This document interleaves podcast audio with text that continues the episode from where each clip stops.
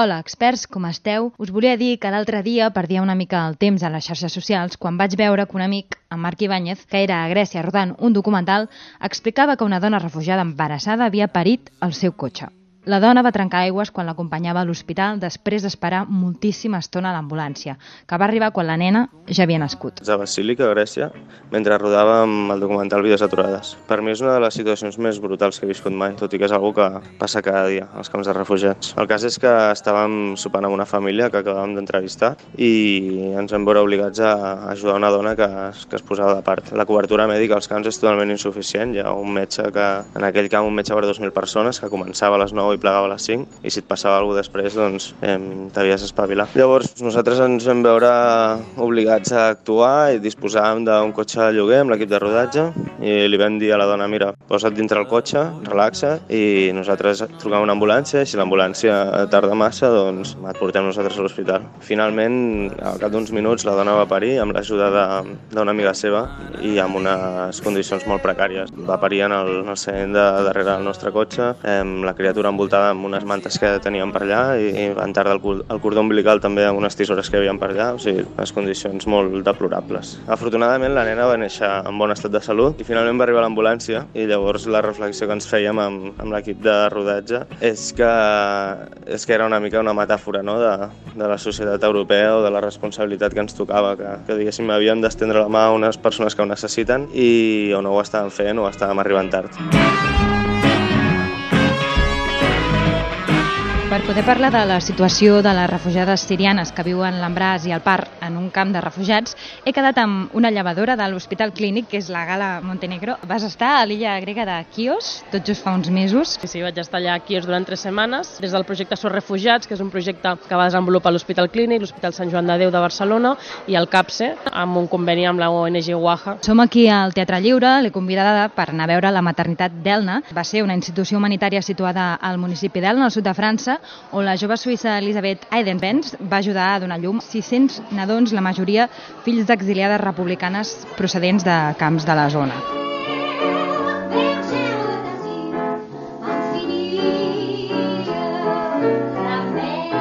Explica'ns si t'ha recordat una mica la teva experiència a Quios i en quin sentit. Home, és bastant inevitable fer paral·lelismes. Eh, llavors també et fa despertar una mica la consciència històrica aquesta, no? perquè és, eh, ens trobem en la mateixa situació, és, pràcticament la mateixa situació.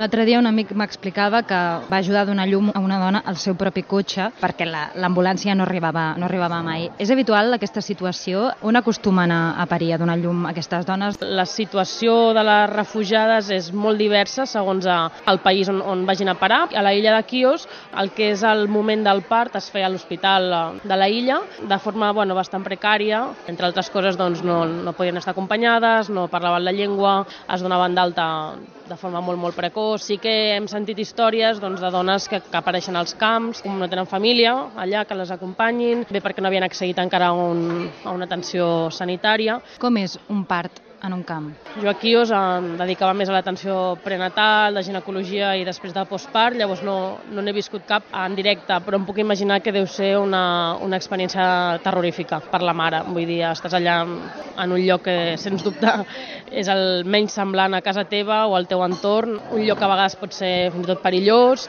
un lloc doncs, on no tens uh, atenció sanitària. Hi ha el material bàsic, bàsic perquè el que fas al final és assistència primària, no? atenció primària de salut. Sí que hi ha medicaments, sí que hi ha certes eines, però bueno, molt rudimentari.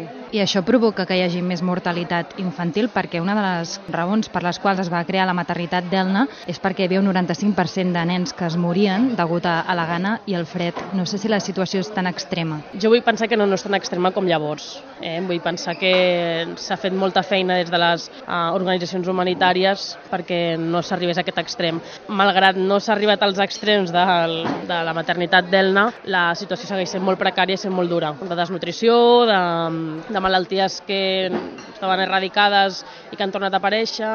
I un cop han nascut, què passa? Tal i com acaben de néixer, se'ls torna al camp? La realitat és que sí, el que jo vaig poder veure.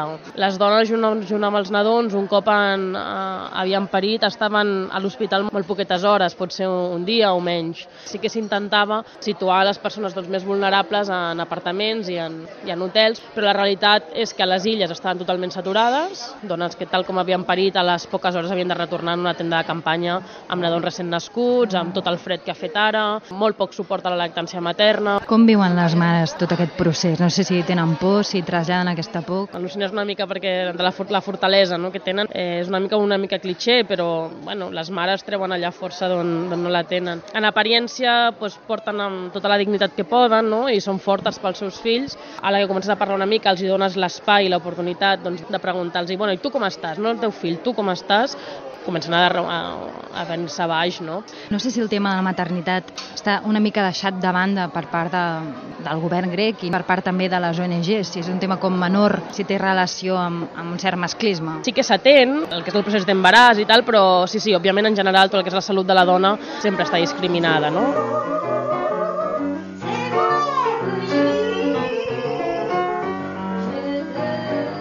Atesa per una banda doncs, perquè no hi ha professionals adequats, que s'adaptin també les necessitats culturals i després perquè es minimitzen molt doncs, els, les, els símptomes que presenten eh, aquestes dones, tota una sèrie de problemàtica que està totalment eh, amagada, que seria doncs, temes de violència que ningú s'està fent càrrec o es fa molt poc càrrec. D'aquell castell en el qual puc sentir-me orgullosa d'haver nascut. La mare sempre diu que era com un oasi, un oasi. S'ha acabat l'espectacle, ens ha agradat molt i ara som, tenim la sort de ser amb el seu director i l'actriu, en Josep Galindo i la Rosa Galindo. Esteu fent pràcticament activisme per la memòria històrica. Sí, amb aquest espectacle, sens dubte, i, i a mi que ja ens va passar quan amb el, amb el Pablo Ley fa anys vam començar a treballar amb espectacles d'aquest cara, i amb l'homenatge a Catalunya i amb altres, clar, veies totes les imatges d'arxiu, era, era molt fort, estaves mirant eh, eh, imatges d'arxiu de, de, de l'any 39, de l'any i, i de cop s'assemblava el que s'estava veient en les notícies, amb els èxodes que estan passant aquí a, a, a pocs quilòmetres relativament, a unes horetes d'aquí.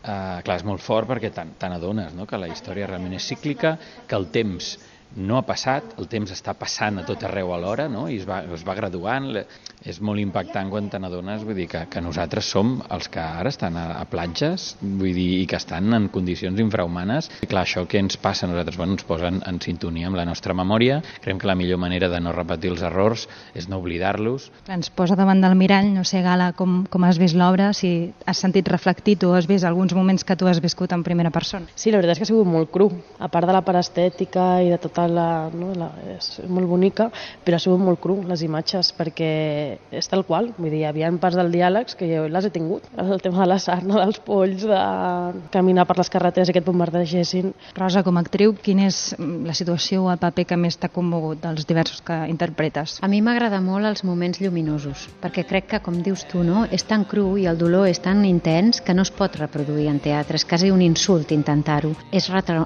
retraumatitzar, és a dir, que fa falta també suavitat quan expliquem aquestes coses, sobretot perquè és impossible igualar-ho. Heu arribat a parlar amb algun fill d'Elna o... Sí?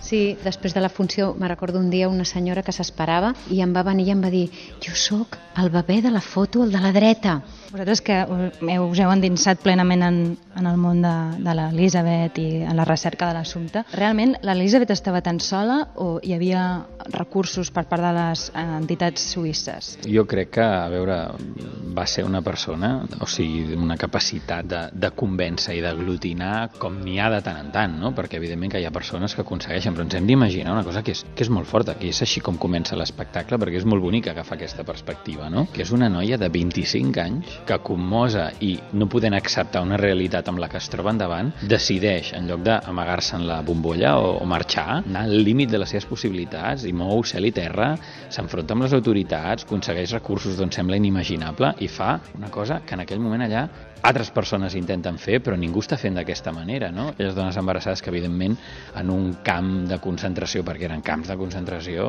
Argelers, Ribes Altes, tot això, eh, carn de canó, aquestes persones. I nen que naixia gairebé estava condemnat a morir, no? Sembla que Europa va una mica en el sentit contrari de, de l'exemple de l'Elisabet. A Elna, que és el Rosselló, ha guanyat el partit de Marine Le Pen. Espero que això sigui, sigui no, no senti precedent a la, a, la, a la votació final, no? evidentment. Em sembla molt trist, no? Em sembla molt trist trist, eh, moltes altres coses a nivell polític i evidentment tot és una, una gran xarxa i una gran amalgama.